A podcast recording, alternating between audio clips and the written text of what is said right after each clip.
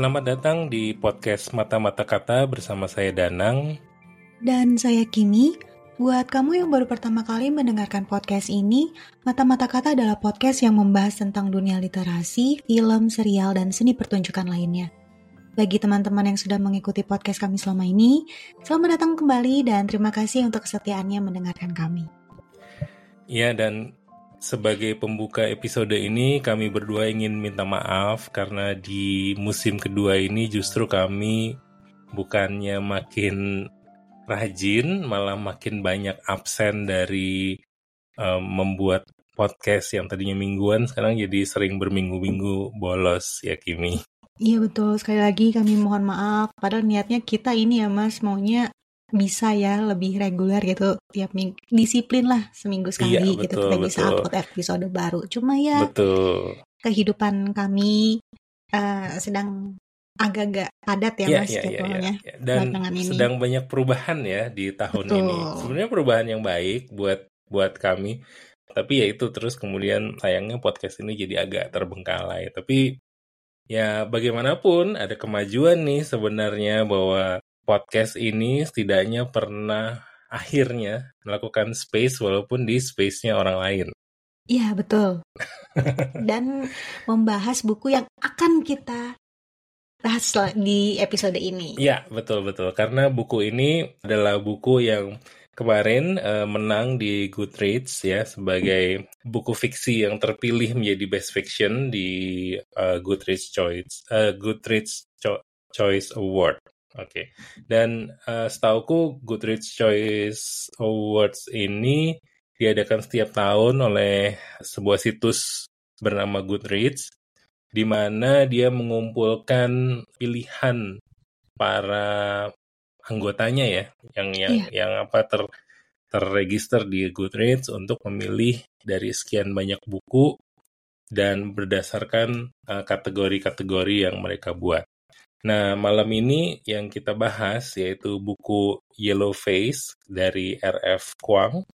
Uh, ini terpilih tahun ini sebagai uh, buku terbaik dalam kategori fiksi dalam uh, penghargaan ini. Nah, sebelum lebih jauh kita membahas apa isi bukunya dan uh, segala macamnya, mungkin Kimi bisa menceritakan uh, sedikit sinopsis dari buku ini. Oke, boleh. Tapi sebelum itu aku mungkin mau menjelaskan sedikit dulu kali ya, Mas, tentang Hmm. Goodreads itu barangkali uh, pendengar kita belum pernah tahu apa itu Ya. Goodreads kali ya. Hmm. Jadi Goodreads adalah salah satu media sosial ya Hmm yang khusus mengkhususkan diri pada buku ya Mas ya. Yeah, Jadi yeah. di situ kita bisa mereview buku yang sudah kita baca, ngasih hmm. bintang gitu. Dan sama seperti media sosial lainnya yang berarti kita bisa berteman, terus saling mengomentari uh, review kita atau saling mengomentari buku yang sudah kita baca atau seperti itulah. Iya, iya. Nah, dan juga kadang bisa iri-irian ya karena dia udah baca yang ini kok saya belum terus juga Ya, atau bisa buat sombong-sombongan juga sih, Mas. ini. Iya, Bin. Atau juga bisa buat sombong-sombongan juga sih. Iya, iya betul betul. Kayak, ya saya sudah baca sekian buku loh. Iya, iya. Dan ada ini juga ya, ada apa namanya? Uh, tantangan ya, tantangan tiap tahun mau berapa eh, berapa banyak buku dalam satu tahun gitu kan ya. Iya betul, namanya Goodreads Reading Challenge. Mm-hmm.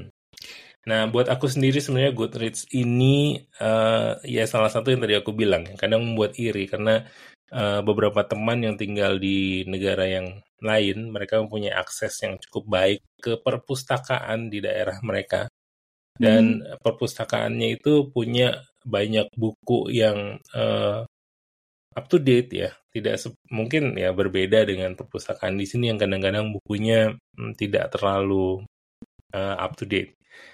Dan dengan ketika mereka membuat apa review di Goodreads kadang-kadang aku ikut membaca dan itu membuat iri. Yang tadi aku bilang itu sebenarnya adalah mungkin pendapat pribadi ya bahwa Goodreads ini kadang membuat iri Ya, mungkin itu juga ya, apa mas, uh, tugasnya media sosial kali ya, membuat ya, kita ya. iri akan betul, betul. pencapaian orang lain. Iya, iya, iya, iya, betul juga. Walaupun ini adalah hal yang baik ya, yaitu uh, kita membaca buku ya. Per... Oh, betul. Oke, uh, balik lagi tadi hmm. ke soal sinopsisnya ya. Uh, tadi yang yeah. seperti sudah Mas Danang sampaikan bahwa buku yang akan kita bahas adalah Yellowface karangan dari R.F. Kuang hmm. dia uh, pemenang untuk nomini untuk nominasi Best Fiction yeah. dengan vote yang dia dapat adalah 200.722 votes dari total okay. 587.718. Dan aku mau cerita sedikit sinopsisnya. Jadi Yellowface itu dia bercerita tentang ada dua orang teman namanya June Hayward dan Athena Athena Liu. Mereka ini teman semasa kuliah di Yale University dan mereka sama-sama penulis. Dan kalau misalnya kalau Jun adalah seorang perempuan kulit putih, maka Etena adalah seorang Cina Amerika. Ini aku uh, menyebut rasnya mereka, warna kulitnya mereka karena uh, ini juga apa ya hal penting kenapa cerita dibuat gitu loh. Makanya aku menyebut dari awal kalau si Jun itu adalah kulit, perempuan kulit putih, sementara Athena adalah Cina Amerika.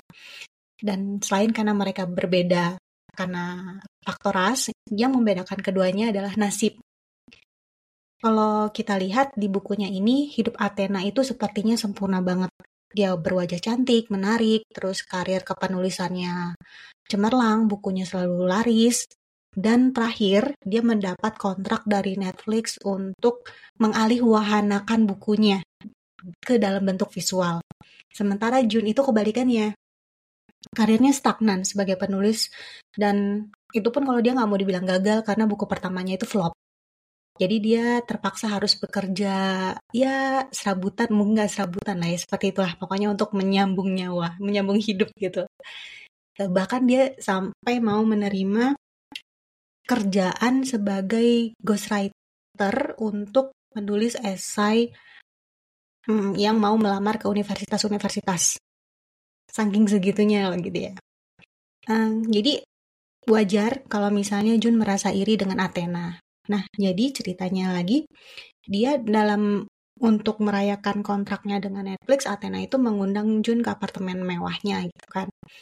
Uh, dan singkat cerita, di dalam acara perayaan itu, Athena meninggal mendadak dan Jun yang berada di sampingnya kan merasa kaget, takut, panik.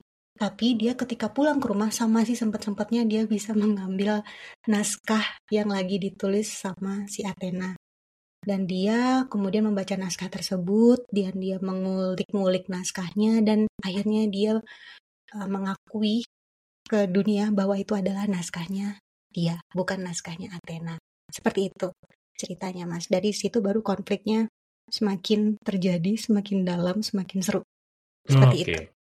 Jadi kalau dengar dari sinopsis yang kamu katakan tadi ya, itu rasanya agak misterius ya buku ini ya. Ini sebenarnya buku bercerita tentang drama atau ada juga tentang krim kriminalnya?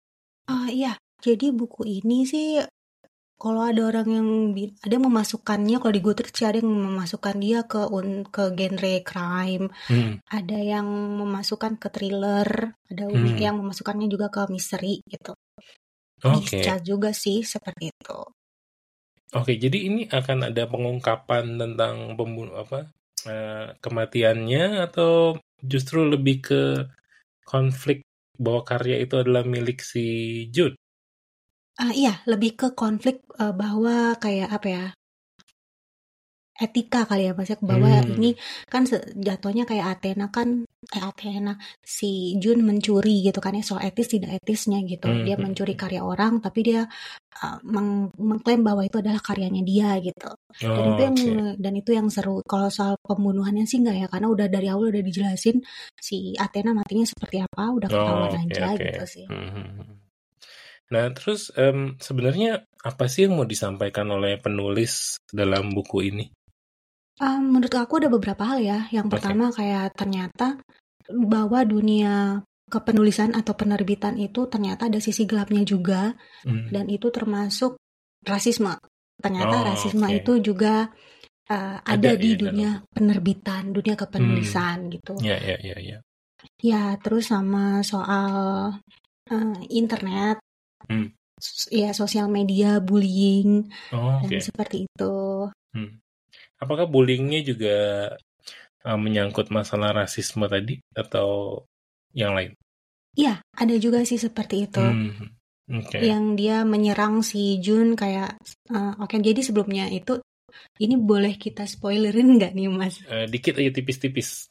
Oke, okay, tipis-tipis ya. Jadi kan uh, bukunya buku yang ditulis sama Athena ini kan bercerita tentang Cina orang-orang Cina hmm. pada Perang Dunia Pertama kalau nggak salah yang di di buruh ya atau apa ya orang Cina yang yang oleh sama orang yang sama Inggris hmm. di dijadikan dijadikan ini loh apa tentara gitu loh mas untuk okay. untuk hmm. sebagai pasukannya mereka gitu kan dalam perang hmm. dunia pertama seperti hmm. itu hmm. dan itu kan uh, dan orang-orang melihatnya kayak orang-orang yang setelah membaca itu dan bilang kayak ah si Jun itu nggak nggak layak untuk menulis itu karena dia bukan orang Cina karena dia orang kulit putih gitu dia nggak berhak nulis hmm. itu gitu Nah, hmm. bahwa si Jun itu adalah seorang yellow face gitu kan. Oh. Uh, okay. Jadi uh, sementara si Junnya itu bilang kayak loh kenapa saya nggak nggak boleh nulis ini gitu saya kan hmm. juga melakukan riset yang sangat mendalam loh gitu kan bahkan hmm. mungkin kalian yang orang Cina-nya sendiri nggak tahu sejarah tentang ini gitu loh dan hmm. ini yang mungkin yang termasuk yang ingin ingin dibahas ya oleh sama si RFF Kuang uh, ada mungkin juga ini ada kegelisahan-kegelisahan dia selama ini hmm. uh, bahwa dia kayak kenapa sih orang-orang itu harus membatasi topik tentang budaya A misalnya hanya boleh ditulis oleh orang yang berasal dari budaya tersebut hmm. orang lain yang bukan dari budaya A nggak boleh gitu kan. Oke. Okay, Padahal hmm. mereka melakukan riset yang baik ya untuk itu ya. Uh, Iya hmm. betul dia melakukan riset yang baik terus sangat menguasai topiknya gitu kan hmm. hmm, hmm. dan RF Kuang kayak nggak setuju sama hal-hal seperti itu karena menurut dia itu justru malah mengecilkan gitu ya malah hmm. kayak nggak bisa um, malah melimitasi im imajinasi gitu loh okay. malah kayak kenapa sih harus dibatasi gitu loh imajinasi seseorang gitu kan ya iya, kenapa nggak yeah, yeah, yeah. boleh nulis-nulis apa pun yang ingin dia tulis gitu kan selama dia hmm. memang hmm. mampu dan capable seperti itu gitu kan sama halnya kayak uh, dia juga bilang kalau orang Cina Amerika gitu misalnya atau imigran gitu mereka tuh hanya cuma boleh menulis trauma imigrannya mereka atau kesulitan soal uh, menjadi uh, Asia Amerika dia Asia Amerika yang living yang tinggal di US hmm. dan harusnya nggak nggak bisa harusnya jangan gitu harusnya bebas dong orang Asia Amerika mau menuliskan tentang apa saja gitu kan. Oke. Okay. Dan dan salah di salah satu wawancara yang aku baca dia bilang begini sih kayak dia itu gak suka kalau karya-karya dia itu dibaca karena seseorang hanya ingin apa ya? Because somebody trying to tick off diversity checkbox.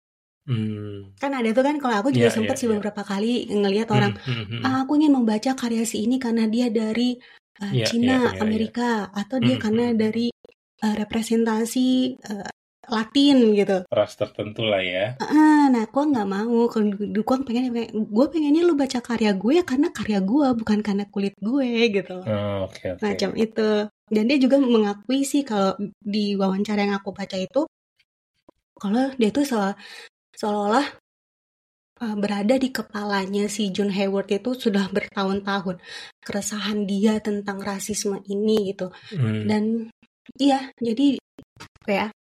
Hmm, menarik sih ini dan membaca keresahan-keresahan dia dan uh, dan menariknya lagi ini Mas kan uh, eh, RF Kuang ini kan Cina Amerika ya gitu kan. Mm -hmm. Sementara si Jun Haywardnya itu adalah orang kulit putih. Jadi okay. dia menulis tentang rasisme itu dari point of view uh, orang kulit putih. Iya, iya, iya, iya. Gitu loh dan mm-hmm. itu make sense gitu kebalikan kan. ya justru ya uh, kebalikan ya, ya, dan ya. dan yang aku lihat lagi bahwa yang di sini nih yang disampaikan bahwa uh, bukan cuma si si Junnya aja yang kena rasis atau perilaku hmm. diskriminasi karena rasisnya karena ras hmm. tapi juga even Athena Liu-nya sendiri kena ras kena kena kena perilaku kena apa diskriminasi ras itu hmm. kenapa karena dia di bagaimanapun sama orang Cina daratannya ya apa yeah, gitu ya. Yeah. Hmm. Dianggapnya dia tuh bukan Cina asli. Yeah, yeah, kayak yeah, yeah. lo tuh bukan Cina asli, lo tuh udah udah keracun budaya barat, lo itu udah kelamaan tinggal di Amerika gitu-gitu lah Mas. Betul, betul, betul. Nah, uh, jadi kayaknya tuh mungkin di sini aku yaitu uh, aku lupa menyampaikan di awal bahwa ini aku seperti membaca keresahan-keresahan RF Kwang. Hmm. Ada yang satu menyerang si si Jun Haywardnya ini, tapi yang lain juga ada menyerang si Athena Liu gitu kan kayak semuanya yeah, itu. Jadi kalian itu sebenarnya mau apa? Yang ini nggak boleh uh, nulis karena dia bukan orang Cina asli, bukan karena dia orang kulit putih.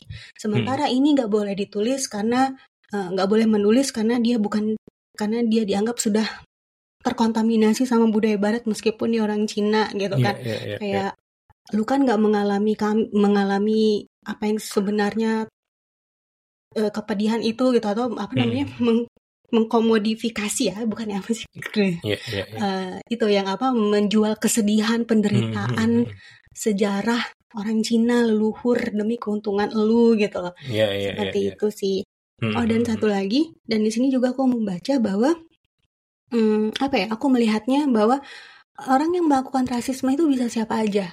Selama ini kan mungkin kita anggapannya bahwa majority, mayoritas yang melakukan uh, diskriminasi ya ke yang yeah. minoritas gitu. -hmm. Tapi di sini aku juga melihat bahwa minoritas pun bisa melakukan uh, diskriminasi juga gitu kan ke ke ke yang mayoritas sendiri kan. bahkan kan.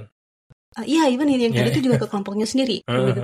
Karena aku ngeliat juga si di sini ada kayak kayak contohnya yang yang tadi aku bilang minoritas ke mayoritas kayak di mereka mereka ini yang menyerang si Jun. Ah lu tuh kan dasar orang kulit putih, lu tuh nggak pantas begini begini begini gitu kan. Itu menurut yeah. aku kan sudah termasuk perilaku diskriminasi sih gitu. Kayak apa namanya kalau yeah. kalau di bukunya itu nggak salah ditulis reverse discrimination hmm. atau apa gitu aku lupa deh yeah, istilahnya yeah, yeah, ditulisnya yeah, yeah. di situ.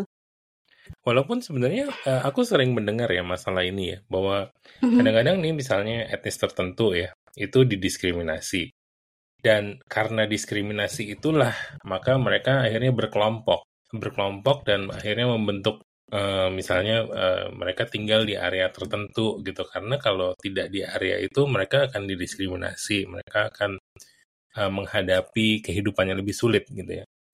Nah, lalu karena mereka tinggal di lokasi tertentu, mereka berkelompok, dan akhirnya uh, kelompok mayoritas menganggap dasar mereka emang nggak mau ber mereka tuh nggak mau berakulturasi, nggak mau nggak mau mendekat kepada kelompok kita dan mereka emang maunya eksklusif. Ini kan satu yang lucu ya sebenarnya ya, bahwa iya. mereka didiskriminasi dan karena didiskriminasi mereka berkelompok, dan ketika mereka sudah berkelompok, mereka lagi-lagi di, dikatai bahwa ya dasar mereka memang tidak mau bergabung dengan kita, mereka maunya eksklusif dan sebagainya. Mhm. Padahal di sisi lain, di kelompok itu sendiri, mereka merasa, loh, karena kita didiskriminasi, kita nggak boleh masuk ke pekerjaan-pekerjaan tertentu, misalnya. Kita mhm. nggak boleh masuk ke sekolah-sekolah tertentu. Ya terpaksa kami bikin sekolah sendiri dong. Terpaksa iya. kami mencari pekerjaan sendiri dong kami hmm. akhirnya dan akhirnya ya jadi kayak eksklusif dan ini terbentuk karena lu sebenarnya yang, yang kelompok besar ini yang mendiskriminasi awalnya. Ini ini mungkin bisa jadi hal yang berbeda dengan uh, tadi tapi menurutku masalah diskriminasi adalah memang masalah yang kompleks ya. Iya betul. Betul sih. Nah, gitu. dan masalah kemudian misalnya nih di kelompok hmm. itu ada yang uh, mendekat ke kelompok yang besar gitu ya kelompok mayoritasnya. Maka mereka yang yang mendekat ke kelompok mayoritas ini akan didiskriminasi oleh kelompok yang uh, minoritas ini. Padahal mereka sebenarnya berasal dari kelompok yang sama misalnya kayak itu menurutku emang kompleks sih. Iya betul. Dan apalagi kalau di Amerika sana sepertinya uh, rasisme ini sangat mengakar banget ya mas. Hmm.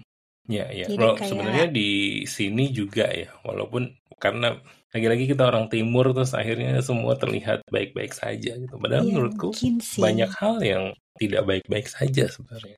Iya. Oh ya, balik lagi Mas kalau yang ke tadi. Uh, kalau menurut Mas Dadang bagaimana nih? Uh, sebenarnya apa batasannya kita boleh uh, seseorang itu boleh atau tidak menulis tentang A, B, C gitu? Apa dia memang harus punya background dari budaya tertentu, budaya itu, atau misalnya memang nggak boleh sama sekali itu atau bagaimana? Kalau menurut Mas Danang? Menurutku sih eh, batasannya adalah pada kedalaman ilmunya ya. Aku sih lebih lebih melihat pada keilmuannya, bukan pada siapa yang bicaranya gitu. Atau dari kelompok mana yang berbicara. Itu sih menurutku. Karena kadang-kadang uh, melihat sesuatu kayak tadi kamu bilang juga melihat sesuatu dari kacamata orang yang bukan dari kelompok itu, itu lebih bisa jadi lebih menarik asal didukung tentu saja dengan keilmuan yang baik ya, bukan asal-asalan gitu. Jadi Mas Danang senada lah ya dengan RF Kuang bahwa anyone can write begitu, as long ya. as uh, oke. Okay. Karena misalnya nih ya kita juga tidak tidak tidak menafikan bahwa misalnya antropolog barat yang yang yang menulis sesu, sebuah kelompok dari kacamata mereka yang sangat bias itu juga banyak gitu ya. Tapi ya tadi lagi-lagi masuk ke dalam uh, keilmuan ketika keilmuan mereka tinggi cukup untuk mem, apa, membedah sebuah kelompok gitu ya. Maka hasilnya akan menarik sih menurutku. Kalau ya, menurut uh, kamu sendiri gimana? Aku sepakat sih bahwa sebenarnya sama juga kayak Mas Danang selama dia memang punya ilmu yang dalam hmm. kalau misalnya dalam buku ini si June Hayward-nya sudah melakukan riset yang cukup hmm. Hmm. Uh, dan memang dia bisa menguasai juga topiknya menurut hmm. aku sih nggak masalah iya betul menurutku sih begitu ya dan bias itu ya itulah yang sebenarnya dikurangi oleh keilmuan ilmu akan membuat kita apa mengurangi bias kita terhadap apa yang kita lihat karena kita pakai kacamata atau kita pakai pandangan yang berdasarkan keilmuan menurutku sih itu ya. Jadi berat ya buku ini. Nah tapi gini, ya, Kimi, tadi kan semua hal itu kayaknya uh, hal menarik dari buku ini. Ada iya. nggak ya. sih hal-hal yang menurut kamu perlu jadi catatan uh, catatan uh, kurang kurang kurang men, uh, kurang suka dengan poin ini dan itu? Uh, kalau isinya aku suka ya, uh, karena hmm. topiknya itu, uh, berat menurut hmm, aku, hmm, hmm. dan juga penuh sindiran atau satir juga sih bisa dibilang buku ini karena dia, apa ya, ada dark jokes-nya juga gitu kan, ingin kayak Tapi diceritakan menyindir dengan ini, uh, ringan Dengan baik. gimana? Oh, oke oke. Nah, sebelum kita ngomongin ke yang nggak sukanya, aku pengen Hmm. ngomongin juga ke yang sukanya dulu ya. Hmm. Jadi, uh, ceritanya ini kayak apa ya pinternya RF Kwang adalah seolah dia bisa apa ya uh, membuat kita mendukung karakter yang enggak kita karakter yang nggak bagus banget gitu kan kalau kita bisa hmm. lihat si Jun Hayward ini kayak ya dia udah maling karya temannya sendiri terus di dia ngaku-ngaku bahwa itu karya dia gitu kan secara moral hmm. itu kan hmm. salah ya sebenarnya yeah, kan yeah, yeah. Hmm, tapi RF Kong bisa menulis kayak uh, setelah dia ada justifikasi ya ah, ada ya? justifikasinya ya? hmm. gitu kan terus hmm. aku tuh pas membacanya kayak oh ya juga sih udah deh ya kasihan ya lo ya udah deh gue ngerti deh kenapa lo kayak gitu oke oke oke dia yeah, bisa yeah. membuat aku sebagai pembaca seperti itu tidak bisa hmm. membenci si Jun ini 100% hmm. gitu malah oke okay, bahwa itu berarti kayak menunjukkan kebenaran itu kadang tidak putih hitam putih ya Ah iya betul betul dan ini memang mungkin kelebihannya juga RF Kwang ya karena aku hmm. membaca buku dia yang sebelumnya yang trilogi Poppy War itu kan fantasi ya dan hmm. itu memang dia di situ ada karakter yang nggak likable tapi lama-lama ketika kita mengenal karakter itu kita jadi kayak memaklumi mengerti gitu jadi hmm, malah hmm, kayak hmm. kasihan juga ya si ini gitu loh hmm, menurut aku tuh okay, okay. salah satu kekuatannya si RF Kwang ya dia bisa membuat uh, unlikable characters mungkin nggak bis nggak nggak jadi 100% berubah kita jadi suka sama dia nggak yeah. tapi kita bisa yeah. memaklumi kenapa dia seperti itu oke okay, oke okay. Terus yang tadi yang aku nggak sukanya, eh, bukan nggak suka sih, kayak berasa, uh coba nih dimasukin gitu ya. Catatan gitu. kritis, ya catatan uh, kritis. Itu mungkin satu ya, ketika uh, si Athena Liu ini pun sebenarnya kalau di buku ini dia nggak nggak nggak deh nggak sesempurna itu juga karena dia hmm. ternyata brengsek juga gitu loh. Hmm. Dan itu nggak uh, dijelaskan kenapa si Athenanya itu bisa sebrengsek itu gitu loh karena hmm, okay. uh, ketika mau ketika ada mau membahas ada ada karakter ibunya nih masuk gitu ibunya tuh kayak semacam semacam ketakutan atau semacam kayak memang blocking kayak gue nggak mau ngebahas tentang ini gitu hmm. jadi kita nggak bisa tahu kenapa Athena bisa bersikap seperti itu karena kayak ada rahasia dalam keluarganya yang membuat Athena seperti itu okay. dan itu tidak terungkap. Ibunya nggak mau kembali ke masa itu, ke masa yang kelam itu, hmm. dan itu yang membuat aku penasaran. Soalnya okay. kalau misalnya itu diceritakan mungkin uh, jadi tahu kenapa si Athena ternyata ya hmm, brengsek juga kalau kataku sih. Hmm, oke oke. aku iya. lupa yeah. satu lagi mm -hmm. boleh nggak nambahin? Yeah. Uh, di sini juga ada yang apa ya? Ada poinnya kayak ternyata di dunia penerbitan uh, di situ dijelasin kalau ketika sudah ada yang uh, merepresentasikan dari Cina Amerika misalnya yang di sini. Jadi ketika ada pen, penulis lain yang Cina Amerika juga penerbit penerbit itu kayak oh lo nggak bisa jadi penulis yang ini lagi karena kita sudah ada Athena Liu loh gitu. Oh, oke. Okay. Jadi ah ya balik lagi kena diskriminasi lagi gitu. Jadi hmm, seolah hmm, yang hmm, boleh hmm. menulis dari Cina Amerika hanya cuma satu orang yang mungkin udah laris, sudah terkenal atau seperti apa. Jadi hmm, tidak memberikan okay. ruang atau banyak tempat untuk penulis-penulis lain yang dari ras yang sama gitu sih. Oke oke oke. Ya ya ya. Itu kita baru membahas soal diskriminasi ras hmm. gitu ya Mas. Sementara hmm. ini ada top ada sisi ada lain lagi yang menarik tentang lagi. yang itu tadi yang tadi aku sebut soal uh, bullying di media sosial ah, ternyata memang okay, okay. Bisa sekejam itu. Itu menarik juga. Iya iya. Ya. Mungkin itu kita menantang menantang para pendengar kita untuk kemudian mencari akses akan buku ini baik di hmm. digital maupun fisik ya untuk yeah. membacanya dan lalu berkomentar ikut berkomentar di podcast kita gitu ya. Boleh. Ya. Oke. Okay. Jadi di episode ini kayaknya kita tutup sampai di sini karena kita sudah cukup panjang lebar dan kita tentu saja menantang para pendengar kita untuk membaca buku ini lalu memberi komentar setuju atau enggak dengan penilaian kita berdua. Oh iya lupa, Kimi, ya. berapa bintang untuk uh, buku ini? Uh, aku kasih 4 dari 5. Oke, baik Kimi. Silahkan kalau begitu episode ini kita tutup sampai di sini. Baik, uh, terima kasih semuanya buat teman-teman yang sudah mendengarkan episode ini sampai habis. Jangan lupa untuk membagikan podcast Mata-Mata Kata dan ikuti akun media sosial Mata-Mata Kata. Kami ada di Twitter at podcast mata kata, Instagram at mata mata kata, dan page Facebook di mata mata kata. Kami juga bisa dihubungi via email di podcast mata mata kata at gmail.com. Sampai jumpa di episode mata mata kata selanjutnya.